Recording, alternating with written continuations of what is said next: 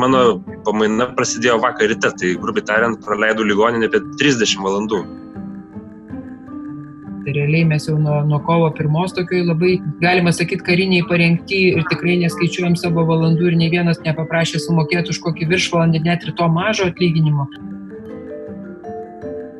Kiekvienas jaučia nerimą, bet iš kitos pusės tą faktą irgi reikia priimti, kad visuomenė nėra tau skolinga, kad tu pasirinkai šitą kelią, taip?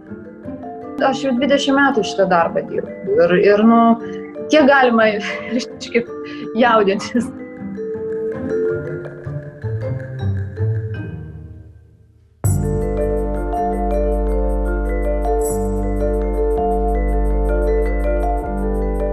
Kai dauguma mūsų sėdim namuose ir skaičiuojam karantino dienas, yra grupė žmonių, kurie eina padėti tiems, kurie užsikrėtė. Šiandien mes dėmesį skiriame Lietuvos gydytojams, kurie kovoja su koronavirusu. Mano vardas yra Karolis Višniauskas, sveikinuosi su jumis iš namų studijos. Jūs klausotės Nailo podcast'o.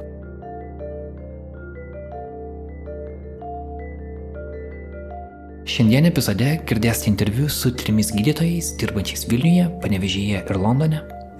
Su jais visais kalbėjausi internetu, pavykus gauti šiek tiek laiko jų užimtose darbo atvarkėse. Mums rūpėjo suprasti, kaip medikai išgyvena šį laiką, kada jų profesija yra nebejotinai viena svarbiausių visuomenėje. Ką jie jau pamatė prasidėjus korona proveršiai, ko jie bijo ir kas juos nuramina. Kai įrašinėjome šį epizodą, Lietuvoje patvirtinti 83 koronaviruso atvejai, dalis jų yra iš užsikrėtusių gydytojų, kurie padėjo prieš tai užsikrėtusiems pacientams.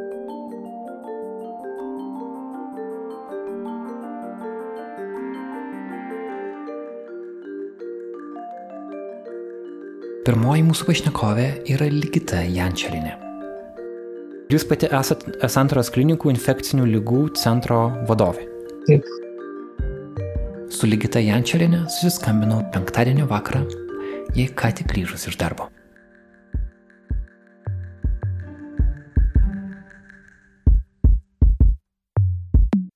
Kiek metų apskritai medicinos rytyje dirbat, kad kontekstui, kad suprastume? Diplomą gavau 1989, tai, tai kiek čia dabar paskaičiuojam?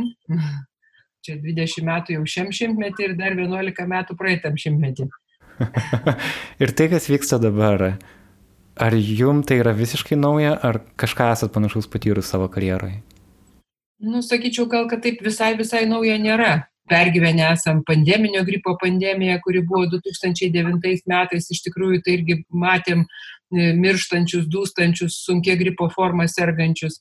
Galų galia timų protrukiai buvo vienas, kitas, va tas paskutinysis 19 metų pradžioj buvo irgi pakankamai daug nerimo buvo, taip kad e, kaip ir nėra man visai nepažįstama, jo lab, kad aš iš principo daug maž įsivaizduoju e, ir apie tai, kas tai yra tos virusinės infekcijos, kaip tie virusai keičiasi, kodėl jie taip ateina, kaip dabar ateina.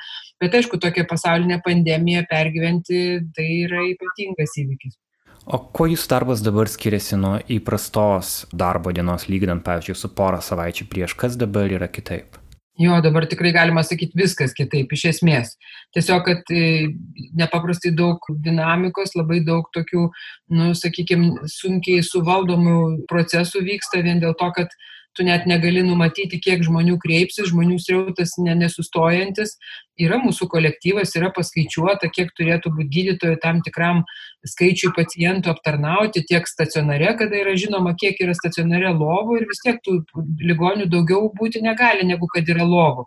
Yra ambulatorinė pagalba, konsultacinė, tai ten irgi taip pat planuojami tie vizitai. Dabar nieko nebėra, dabar nebegali suskaičiuoti, nes vizitų suplanuoti nebeįmanoma, žmonių srautas dieną naktį yra tiesiog gerokai viršijantis bet kokius įmanomus planus tai teko vat, labai mobilizuoti smarkiai ir labai daug kviestis žmonių, kad ateitų į pagalbą. Tai teko prisijungti prie mūsų ir kitų specialybių gydytojams. Daugiausiai jauni prisijungia, rezidentai perkelia rezidentūrą, bet aišku, kad kiekvienu atveju juos reikia įtikinti, juos nuraminti, juos paruošti, išmokyti tam tikrų asmens apsaugos elementų.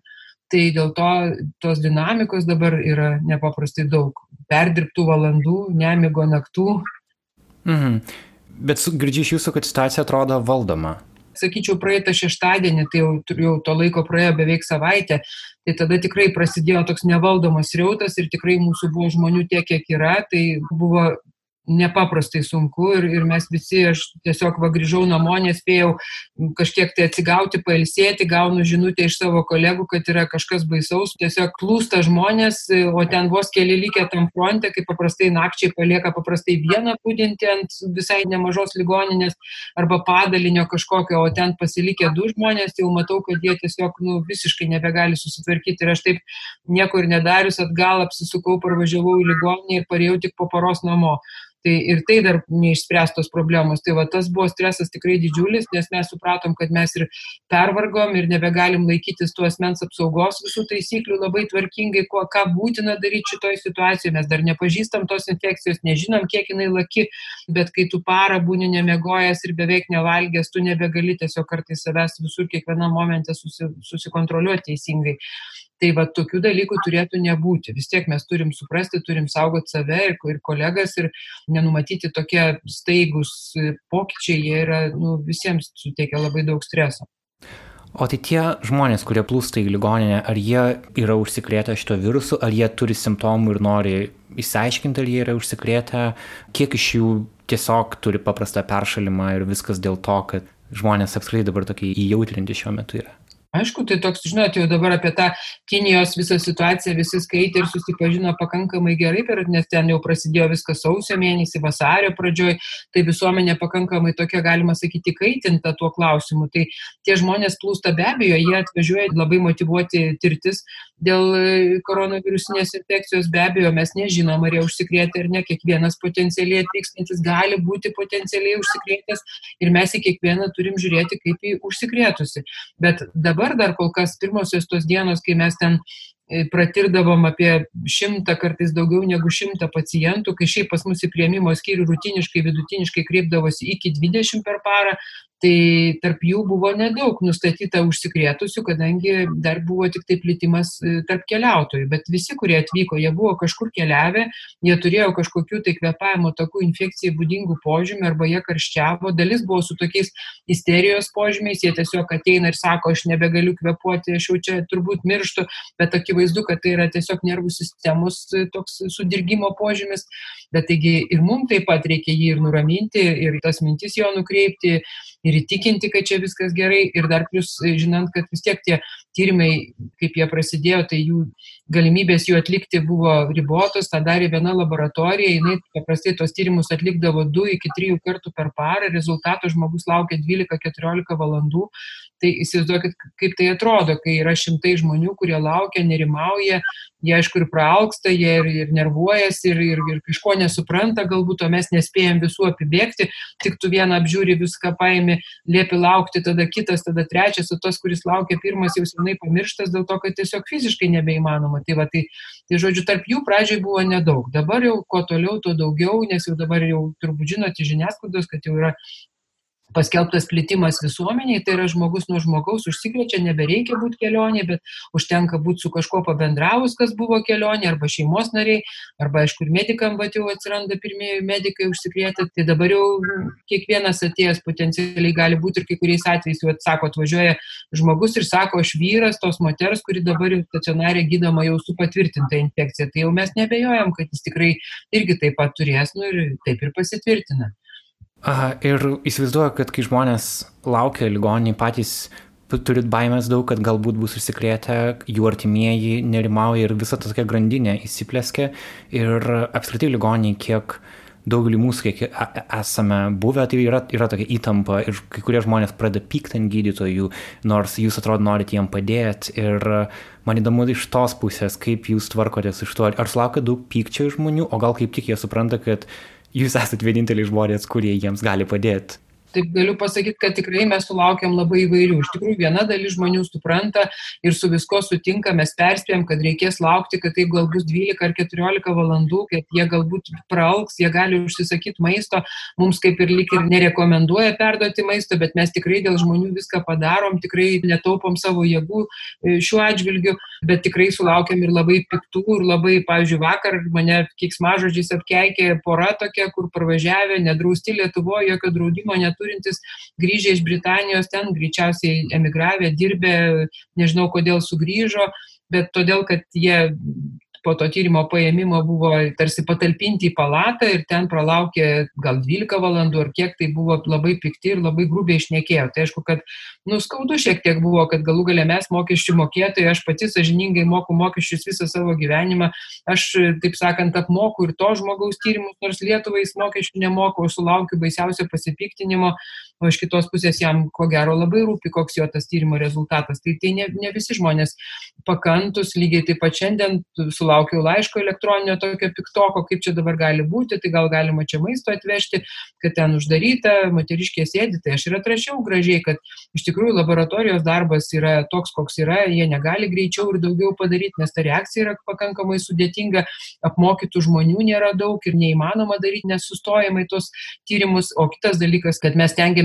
sumažinti ekspoziciją, kuo mažiau eiti į palatą, kur potencialiai žmogus gali būti užsikrėtęs, nes rizikuoja personalas, ką mes darysime, jeigu tie žmonės susirgt, kurie dabar dirba gydytojai, slaugytojam, paliekam žmonėm telefoninį kontaktą, jie gali susisiekti, žmonės vis tiek pyksta nu, per mažai dėmesio ir, ir tai, bet e, jie tiesiog nesupranta, būdami palatoje, vertina tą situaciją iš kitos pusės.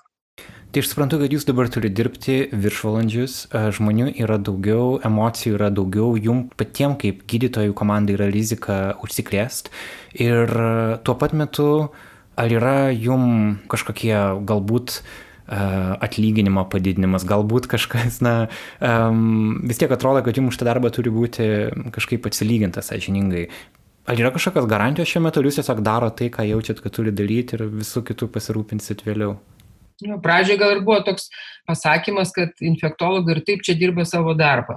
Bet jeigu pasižiūrėt visos ligoninės kontekste, tai yra didžiulė universitetinė ligoninė, tai infektologų atlyginimo įkainis yra pats mažiausias. Ir iki šiol realiai tai ir nebuvo tokio labai aiškaus scenarijaus, kaipgi čia bus tas atsiskaitoma, nu, bet dabar liktai vakar jau ten buvo kokie tai sprendimai administracijos priimti, kad galbūt bus kažkaip spręsta dėl tų kažkiek didesnių atlyginimų už tą darbą židinyje tai tikimės, bet tokio kažkokio raštiško dokumento dar nesam matę. Realiai mes jau nuo, nuo kovo pirmos tokioj labai, galima sakyti, kariniai parengti ir tikrai neskaičiuojam savo valandų ir nei vienas nepaprašė sumokėti už kokį viršvalandį, net ir to mažo atlyginimo. Tai tikrai tie, kas eina, tai eina jie iš esmės iš patriotizmo, iš savo užsidėgymo savo specialybėje, tikrai ne dėl to, kad kažkas sumokės, bet galiausiai pagalvoji, pavyzdžiui, jeigu aš susirgčiau ir aš numirčiau, tai tikrai kažkokio draudimo aš neturiu. Ir, ir dėl to mano šeima turbūt išmokos vargu ar gautų, nebent po to kažkas vyktų, kažkokie visuomeniniai procesai nulemtų. Labai stipri yra klinikose profesinė organizacija gydytojų, ir tikrai ten tie žmonės dirba, tai va jie eina į administraciją, jie derasi, tai manau, kad turbūt tos profesinės organizacijos dėka, ko gero, mums gal ir bus e, išmokėti didesni šiek tiek atlyginimai. Mm. Tai tuomet kas, pavyzdžiui, jūs asmeniškai skatina nemesti visko, vis tiek grįžti kiekvieną dabar dieną į darbą ir tvarkyti su šitą situaciją. Jūs kažkokį savo motivaciją esate atsakius, kodėl tai darot? Aš turbūt esu atsakius iš tikrųjų, tai tikrai mano motivacija tai turbūt yra tiesiog tikrai tokia profesinė intriga ir atsakomybė už, už žmonės, kurie kartu dirba. Mes dabar tarsi kaip susivienėm į tokį vieną vienetą. Žmonės yra įvairūs, jie įvairiai nebūtinai turi tą pačią nuomonę, kartais būna, kad kažkaip ir pasiginčiam tarpusavį, bet dabar tie, kurie liko tam karo laukia, jie tikrai labai visi vieningi. Dabar jau netgi būna viens kitam kavą atnešam ir, ir, ir nu, tiesiog jaučiasi tas ryšys, tai man va, tas jausmas, tas bendrystės tokios, to tokio visiems kartu to tikslo siekimo ir tų jaunų žmonių azartas ir noras ten dirbti neskaičiuojant valandų, tai tikrai man yra tas didžiausias satisfakcija, kurie ateina vat, ir, ir aišku, kad tu pamatai, tu eini pirmose, pirmose gretose, tu pažįsti tą infekciją, tu išmoksti ją, tu gali po to dalintis tą patirtimį nu, tai yra tokie dalykai, kurie turbūt suteikia labai daug tokio pasitenkinimo. Aišku, aš irgi pagalvoju, kas būtų, jeigu aš susirgčiau, šiaip jeigu lengvai sirgtų, tai kaip, kaip liktai ir, sakykime, numatoma, kad taip sirgtų jauni žmonės, bet aš jau pagal amžių jau nebepriklausau visai jauniems ir turiu tam tikrų rizikos veiksnių, tai suprantu, kad aš galiu kartais sirgti ir sunkiai, gal net ir tektų ir būti reanimacijoje ir, ir apie tai pagalvoju, tai tada aišku labai nu, būtų sunku, kad nukentėtų mano šeima ir mano vyras ir vaikai ir anūkai ir dabar jau praktiškai nuo pirmos dienos, kuomet turėjom pirmą pacientą, jau viskas, jau aš su anukais nebesusitinku, kaip save vadinu, virtualią močiutę. Man dukra visą laiką deda nuotraukas, kaip anukai mojuoja nuotraukose ir, ir, žodžiu, aš taip su jais ir bendrauju tai suprantu, kad negaliu pasmerkti jų rizikai, nes aš pati nesu tikra, kiek aš to kontakto gaunu ir kiek aš esu saugi aplinkiniam.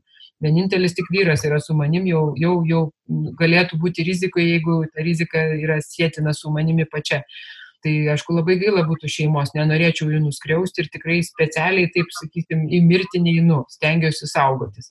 O kaip manot, kiek laiko tai tęsis? Ar mes dar tik tai pačioj pradžioj, o gal jeigu laikysimės karantino sažiningai, gal viskas tiesiog nurims? Aš vis tiek žiūriu tas tokias šalis, kurios yra kaip Vokietija, kaip Austrija, kur iš tikrųjų žmonės tikrai labai laikosi taisyklių, labai pareigingi, labai atsakingi, jie tokie pilietiški, visuomeniški. Ir kad aš dabar girdžiu per žinias, kad vienai didžiausią tokį parodų kompleksą paverčia į didžiulę ligoninę, tai kažkaip man vis tiek tada tampa neramu. Kaip gali būti tokioj nu, šalyje su senom tradicijom, su žmonių tokia vidinė inteligencija ir, ir supratingumu, tai kažkaip ta infekcija išplito.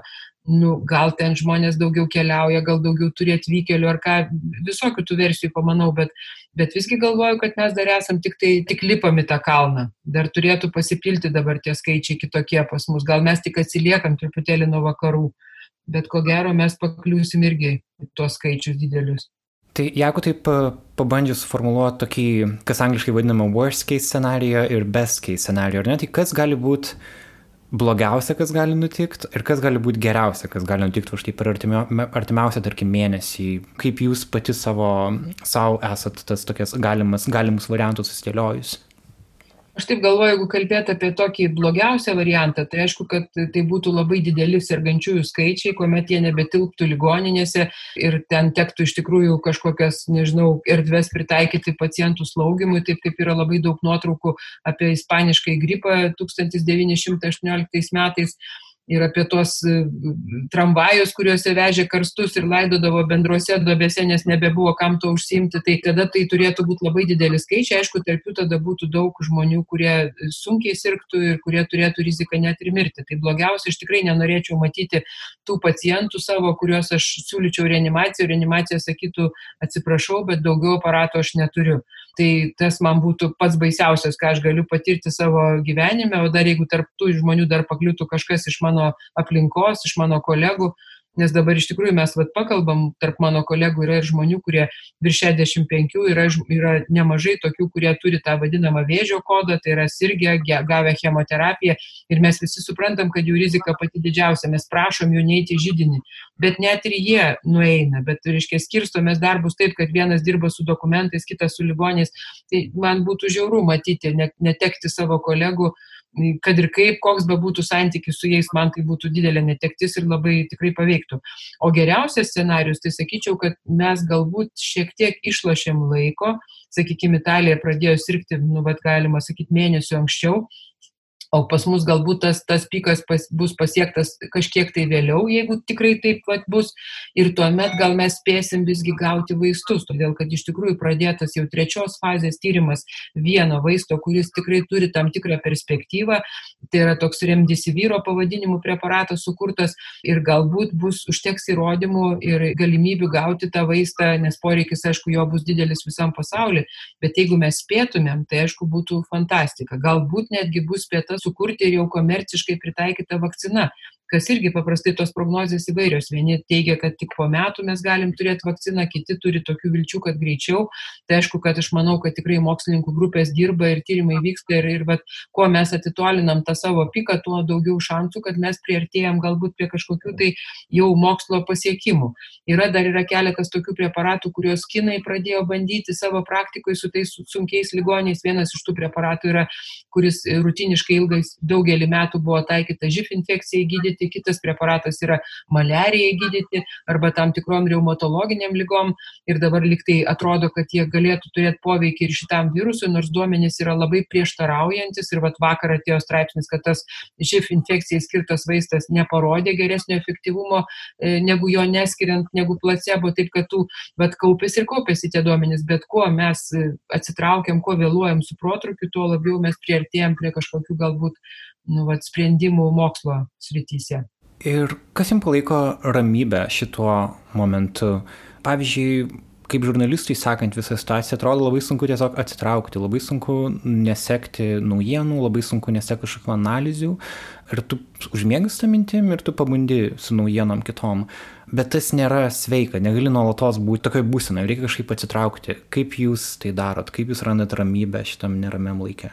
Iš tikrųjų, tai turbūt didžiausia ramybė man ateina namuose, kai dabar jau mes, aišku, užsidarė dviesi su vyru, vyras jau tai priemė sprendimą, kad jis nesizoliuos nuo manęs, nors kaip ir tokia diskusija buvo, bet, e, nu, kaip nežinau, ar aš čia sažiningai jų atžvilgių, mes čia taip elgiamės, bet vaikai jau išsikraustė, turim tos erdvės, galim bent į skirtingus kambarius išsiskirstyti, jeigu kartais ką. Tai va, tai tas pabuvimas namuose, pasikalbėjimas, ramybė, pasivaikščiojimas laukia, bet dabar tam pasivaikščiojimui nebeliko laiko. Mes anksčiau mėgdavom išeiti savo, kaip sakom, 10 tūkstančių žingsnių praeiti, tai dabar tam tiem žingsniam nebėra vietos, bet aš žiūriu, kad man telefonas rodo, kad aš juos prabėgu ligoniniai per visus aukštus, aš net pati nustebau. Tai vat, tas pabuvimas namie, o kitas dalykas yra, kaip nekeista, mano dauguma draugų ir kolegų, jie dabar yra kaip tik tam periode, tokiam, kai sustoja visi darbai. Tai jie ten turim tokius susirašinėjimo savo grupės ir jie visą dieną ten pokštauja, visokius ten pasvarsto ir tas kartais mane taip vat, nu, atplėšė nuo tos aplinkos, kurioje esu pasijokiu iš to, apie ką jie kalbasi ir galvoju, kad aš tai visai kitam pasauliu, kaip kokiam fronte kaip žurnalistas iš, iš Afganistano raportuoju, kas vyksta. Aišku, jie labai laukia, tu jau sako, o jau lygi tą eterį, tai jau čia visi pasijungia tuoj pat, jau jaučiu, kaip čia, reiškia, aš prisijungiu, tai jau yra kažkas tokio. Tai, nu, tai smagu, tai va tas toks, na, truputį atsiplėšimas. Ir, aišku, anūkai, anūkų nuotraukos vaikai siunčia ir siunčia vis, kaip jie ten, ten kartais kokį įrašą padaro ir sako, ten noriu aš ogyčiau, kas atveš senelis, nes tik jis dar gali.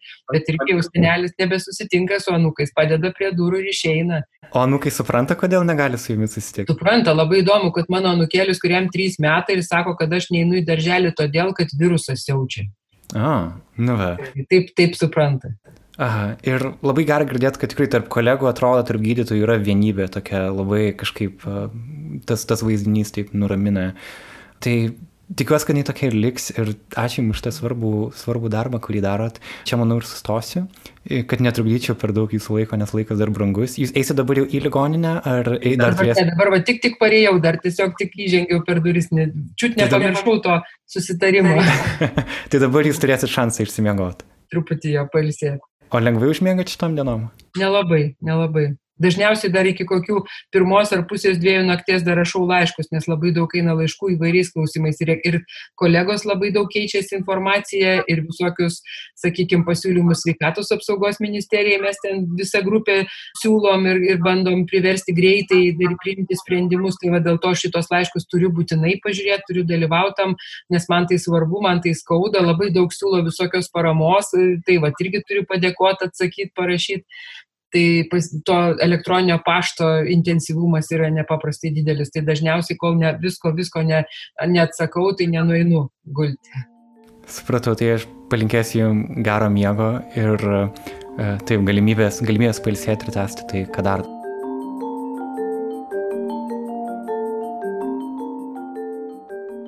Priminsiu tiems, kurie mūsų klausosi pirmą kartą, kad esame nepriklausoma žurnalistų komanda, mes turime lėšų tiek, kiek klausytojai mums jų gali skirti.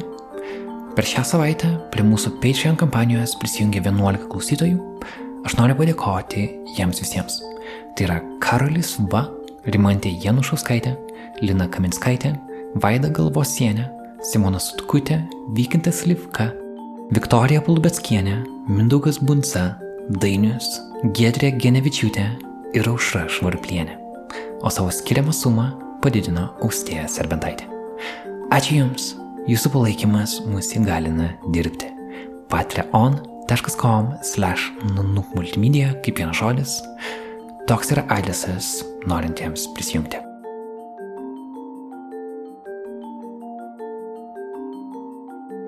Ričardas Peldžius, kaip pelėda Peldžius. Ir tiksliai pareigas įvardinti?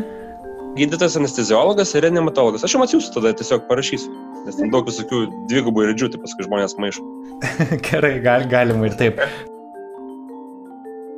Richardas Pelčius 12 metų dirba Panevežio ligoninės reanimacinėme skyriuje. Kai į jų ligoninę buvo atvežtas pirmasis Panevežyje koronavirusų užsikrėtęs žmogus, Richardas buvo ten.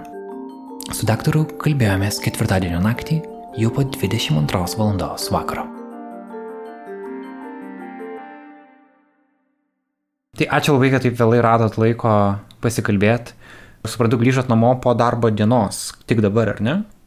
Ne, ne visai dabar iš tikrųjų grįžau apie pietus, bet mano pamaina prasidėjo vakar ryte, tai grubiai tariant, praleidau ligoninę apie 30 valandų. Ir tai dabar tampa įprastas toksai scenarius, kol kas tai viskas yra savanoriškai vyksta tokie dalykai, ta prasme mes aišku ir savo gal kažkokią laiko apskutą ir vedam, bet daug dalykų lieka, sakykime, kolegiškai, savanoriškai padarom, nepaliekami kolegos likimo valioje, tai dėl to tikrai pasiliekam. Antras dalykas, nu, tikrai tokia situacija, kai turbūt visą gyvenimą tam ruošiamės, ta prasme, tokia, aišku, juodoji gulbė, kur jas niekas nesitikėjo, galbūt mūsų, mūsų kartos Černobilis, mes jau vadinam, sakykime, tai kažkaip panašiai, negalim džiūgauti tokio dalyko sulaukę, bet iš savo profesinės pusės taip pat esam labai, labai smarkiai, kaip sakyti, aktyvizavęsi ir, ir, ir tikrai emocijos labai įvairios yra iš tikrųjų. Mm. O jūs kaip gydytojas su tuo atveju, kuris buvo panevežytas pirmasis, jeigu aš teisingai suprantu, jūs dirbot su juo, ar ne? Taip. Nežinau, kiek, kiek apie tai galit pasakoti viešai, bet norisi suprasti, kaip tai yra vis dėlto unikali, unikalus atvejis, ar ne, jum ir kaip gydytojai, nau, nau pacientas su virusu, kurio anksčiau negydėte, ne, nebuvo tokio žmogaus, tai įdomu, kaip jūs iš profesinės pusės, kaip su tuo tvarkėtės ir kokia to žmogaus situacija šiuo metu. Nu, žinot, tikrai labai smarkiai ruošiamės tam ir kažkaip gana gerai pasiruošėm. Iš principo, kai tik tai kilo jau tas klausimas, kad galbūt tai yra tai, nes, nu, tai iš principo tokia juodoji gulbė, ta prasme. Ir, ir, ir tikrai tas atvejis, nu, jisai nėra toks vat, labai paprastas, toks tikrai suktas kamuolys buvo sviestas į mus, ta prasme, su šita klinikinė situacija. Tai sunku kažkaip tai atsekus įvykius, kažkaip tai pagalvoti, kad, nu, gal buvo galima kažkaip kitaip padaryti. Iš principo, daug dalykų darėme taip, kaip rekomenduojama gairėse ir, ir, ir tik tai tiek, kad aišku, buvo labai daug baimių, bent grinai žmogiškų baimių, matėm viens kito akise, ta prasme, apsirengę tos skafandrus, akis buvo didelės, kaip, kaip, kaip gyvūnėlio nešamos skandinti, ta prasme, ir, ir tikrai buvo to išgašio pačiu pradžiu. Daug, daugiau atvejų nebuvo, bent jau jūsų patirtį per šitas dienas. Tai, suprantat, tas atvejis, jisai, matot, jisai nėra, kad jisai pasibaigęs, tas, tas atvejis yra testinis ir mes toliau dirbam su, su reiškia, toj aplinkoj, kuri yra, sakykime, pavojinga. Tas viskas tęsiasi. Tas Černobilis nėra likviduotas.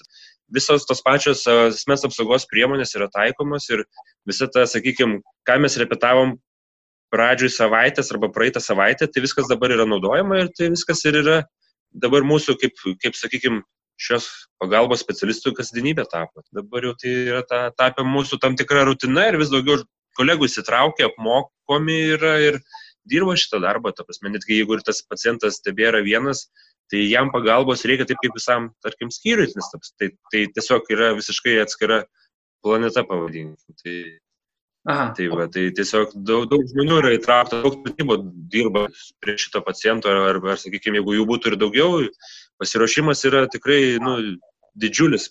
Daug labai yra mesta resursų, ta prasme, ir žmogiškųjų išteklių, ir manau, kad ir materialinių išteklių. Tai daug dalykų, ta prasme, tikrai pajudėjo, galbūt sulaukus šio įvykio, bet iš principo tikrai daug dalykų pajudėjo teigiamą linkmę. Tai va, tai, tai. Mhm. O jūs kaip gydytojai ir vis tiek esate irgi riziko zonai, nes jūs tiesiog, jeigu mes visi turim sėdėti namie ir vengti kontakto su galimai sergančiai žmonėm, tai jūs esate tie, su kuriais jie turi turėti kontaktą. Tai kaip jūs dėl to jaučiatės? Ar jaučiatės saugus, ar jūsų artimieji jaučiasi uh, saugus, kad jūs šitą darbą dirbat? Kita vertus, gal, gal jūsų visa karjera buvo tokia, kad na, šita, šitoj srityje ir tarsi tam, tam jau dedikuoji save. Tai žinot, nu, kaip turbūt gaisrininkas niekad nelaukia to gaisro, bet nu, toks tas likimas, ta prasme, ir tokia ta mūsų paskirtis. Taip ir mes tokie biškelį kartais ant atsarginių solelių sėdėdami, nu, laukiam vis laik to kvietimo aikštelę. Tai va šituo atveju va, yra proga visiems tikrai sužaisti tą sunkų žaidimą. Tiesiog tau yra mažiau komforto, nes tu turi būti su skafandru, sakykime, taip liaudiškai kalbant, su tuo, sakykime, asmens apsaugos priemonių rinkiniu, su kombinzonu, su akiniais, rasojančias ir tave tai šiek tiek išmuša iš vėžių, tau netaip komfortiška, karšta, prakaitas bėga, akiniai rasoja, blogiau matai, bet, bet sakykime, nu, iš principo tiesiog tai, bet tai tave apsaugo ir toksai galvojimas, kas būtų, jeigu būtų toks numiškelis, niekur neveda, ta prasme, mes abu su žmona esame gydytojai, anesteziologai ir nematologai, tai ta prasme, taip, turim du mažus vaikus namuose, bet tas mūsų gyvenimas, nežinau, ar pavadinti pašaukimu ar kažko tai, bet tai yra tai, ko mes ėjome tą darbą. Tai tikrai pasaugom vienas kitą, pasidalinam tais darbais šiuo metu bent jau, kai dar, dar galim kažkiek tai labiau, nėra kito pasirinkimo, tai galvoti, kad ten kas bus, kai manęs nebus, tai tiesiog, nu, žinot, 12 metų dirbant reanimacijos skyriui, tu labai susitaikęs su daug dalykų, su, su, su gyvenimo pabaiga, su jo baigtinumu, su mirtimi, ta prasme, tokiais dalykais tu susigyveni ir netgi su savo kažkokiu ten to gyvenimo pabaiga tu susigyveni ir negalvoja apie tai. Bet aišku, nesinori kažkaip tai rizikuoti savo sveikatą be reikalo, kai galbūt tu galėsi padėti daugiau pacientų, jeigu tu išgyvensi tą visą laikotarpį. Vien tik dėl to. Mm. Bet kaip, kaip jūs nusiteikęs, kad uh, dar mes gyvensim kurį laiką su šituo virusu ir kad pas jūs daugės žmonių, kurie yra, uh, kurie yra užsikrėtę? Nes suprantu, kad tas vienas žmogus yra tik pradžia. Tai viskas labai gali greitai už, užprogresuoti, prasme, jeigu nebus laikomasi karantino, nebus laikomasi savizolacijos, tikrai, tikrai gali staigiai pratrūkti, tada tas viskas vyksta geometrinė progresija ir tada mes mažai ko galėsim padėti tiem žmonėm, nes tikrai tos aparatūros, nu jos nėra begalinis kiekis ir tu galiausiai tų žmogiškųjų resursų, netgi tų pačių medikų tikrai neužteks teikti tokią pagalbą, kokia, tarkim, yra teikiama tiem pirmiesiam pacientam, tiek mūsų ligoninė, tiek kito ligoninėse, kai tu gali visiškai visas pastangas maksimaliai mesti vienam pacientui, tai yra viena, bet jeigu tu turi šimtą pacientų, tai, tai ne, nebus įmanoma tikrai maksimaliai suteiktos pagalbos. Tai kokia jūsų žinutė e, žmonėm būtų šiuo metu, kurie dabar vat, karantinas tik prasidėjo, dabar tai vis dar toks kaip vos ne kaip nuotykis kažkoks netikėtas ritmas gyvenimo pasikeitimo, bet jeigu jį prates ilgiau negu dviem savaitėm, žmonės gali, gali pavargti, gali atrodyti, kad, čia, kad tai nėra rimta iš esmės, nes kiek pats esu domėjęs, atrodo, kad žmonės tik tada sunerimsta, kai kažkas iš jų artimųjų užsikrečia lyga, kada, kada juos kažkaip asmeniškai paliečia. Dabar Lietuvoje labai mažai žmonių dar palėtė asmeniškai šitas reikalas. E, dėl to atrodo, yra ta baime, kad gali žmonės truputį atsipalaiduoti. Tai kokia žinia jūsų kaip gydytojų būtų, ko, ką reikėtų daryti ir ko reikėtų nedaryti?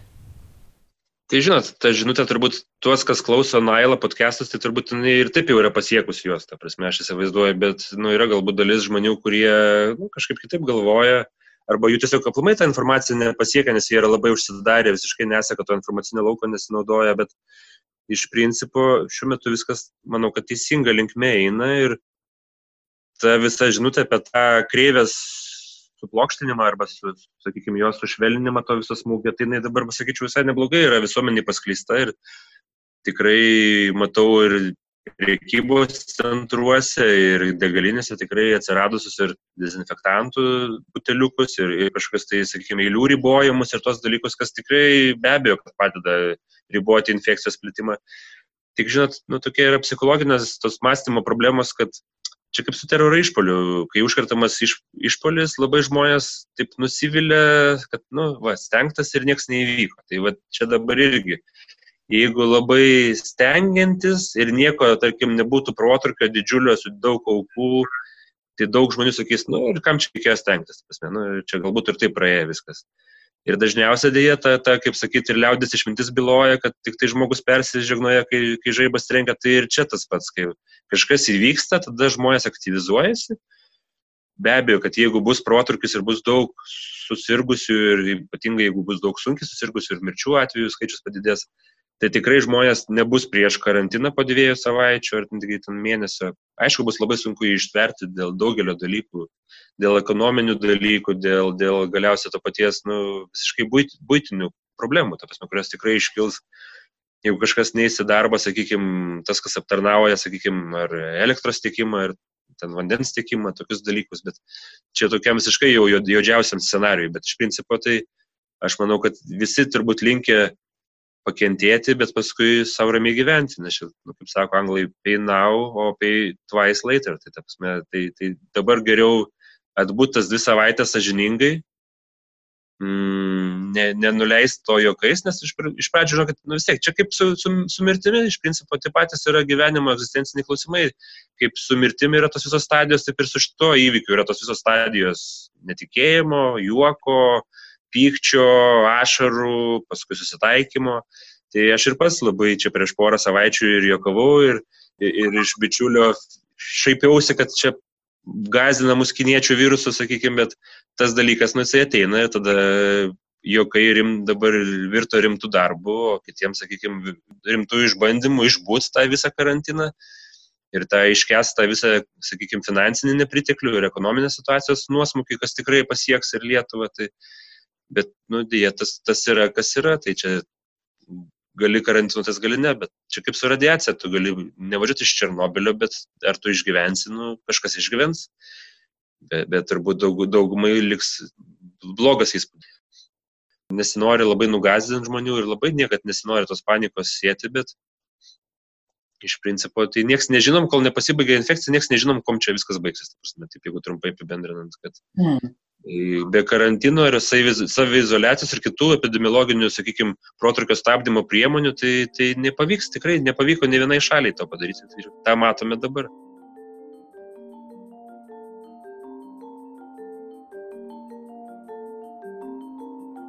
Aš dirbu Londono rytuose esančioj gan nedideliai Londono masteliais ligoniniai, vadinasi Newham University Hospital.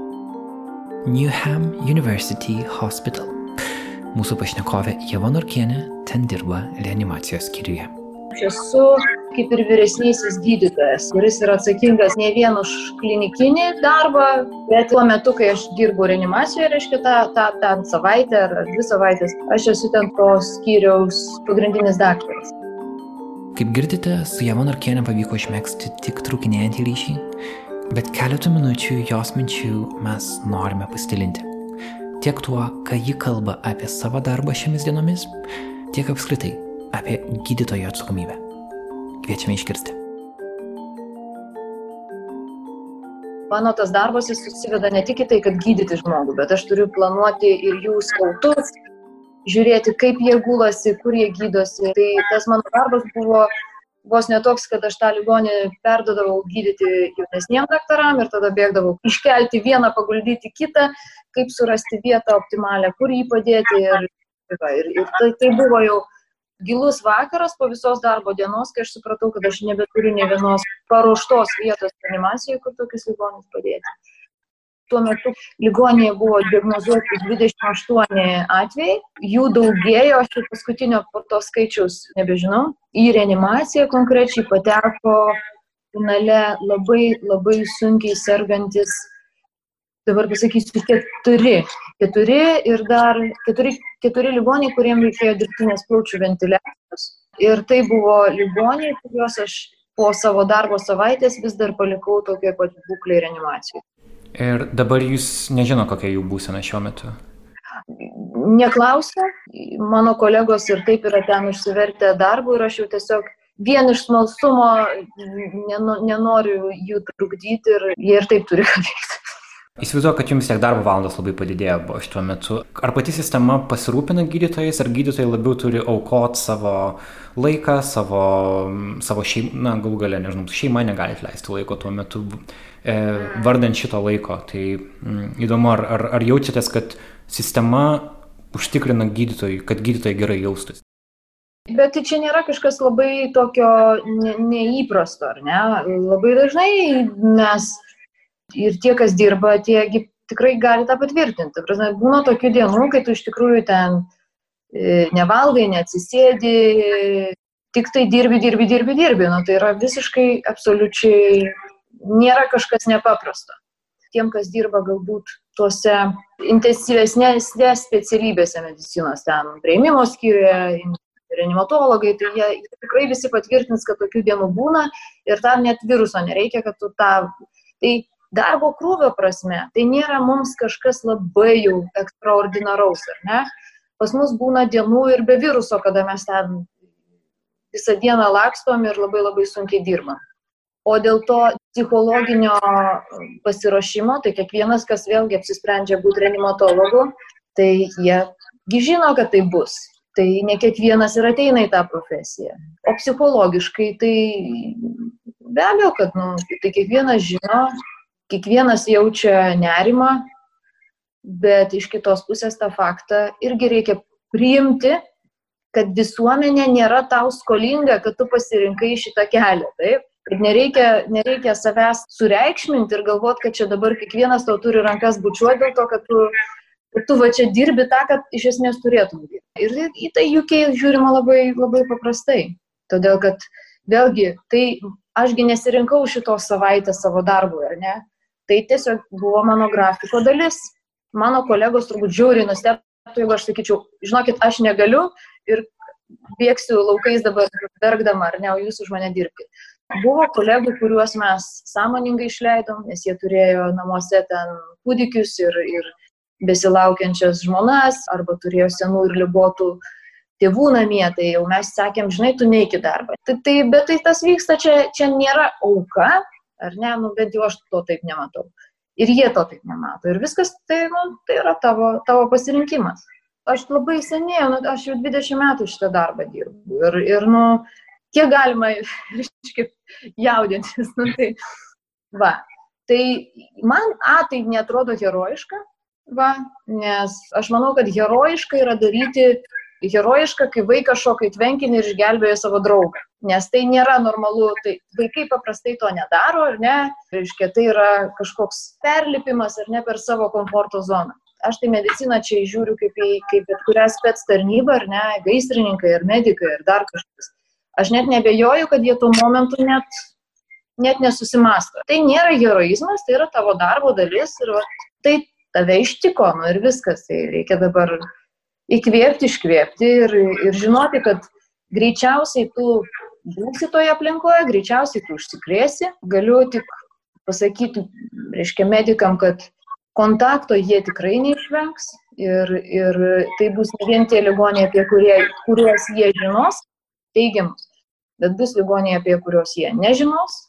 Panika ir, ir reiškia, viso to dramatizavimas, jisai, nu, jisai niekur, niekur nenuves. Nu, vis tiek visi turi kažkaip susimobilizuoti ir tą išgyventi.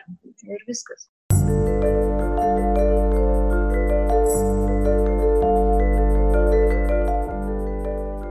Toks mūsų epizodas šiandien.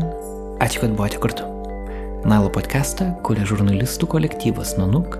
Šį epizodą rengiau aš Karolis Višniauskas, o interviu redagavo Martina Šulskutė. Už pagalbą tvarkant garso įrašus dėkoju Katašinai Bitoft iš Martino Mašvido bibliotekos garso įrašų studijos. Podkasto muzikos autorius yra Martinas Gailius. Ačiū dar kartą visiems gydytojams, skirusiems laiko mūsų interviu ir darantiems dabar be galo svarbų darbą. O gal jūs norite paliesti kitas temas susijusias su koronavirusu? Kaip dabartinė situacija jūs paveikia? Ar jums pavyksta išsaugoti darbą? Kas jūs neramina? O kas jūs šiuo metu džiugina? Pasidalinkite mintimis ir temų idėjomis. Mes esame atviri, mes laukiame jų. Elektroninio pašto adresas yra info.nunuk.lt. Taip pat galite parašyti tiesiai į Nanuk Facebooką arba į mūsų Instagram. patreon.com slash nanuk multimedia Toks yra adresas norintiems palaikyti mūsų finansiškai. Mūsų 100 dolerių per mėnesį patronai yra Blossom Wood Foundation. Būkite saugus palaikykit socialinę distanciją, bet ne emocinę. Iki greito.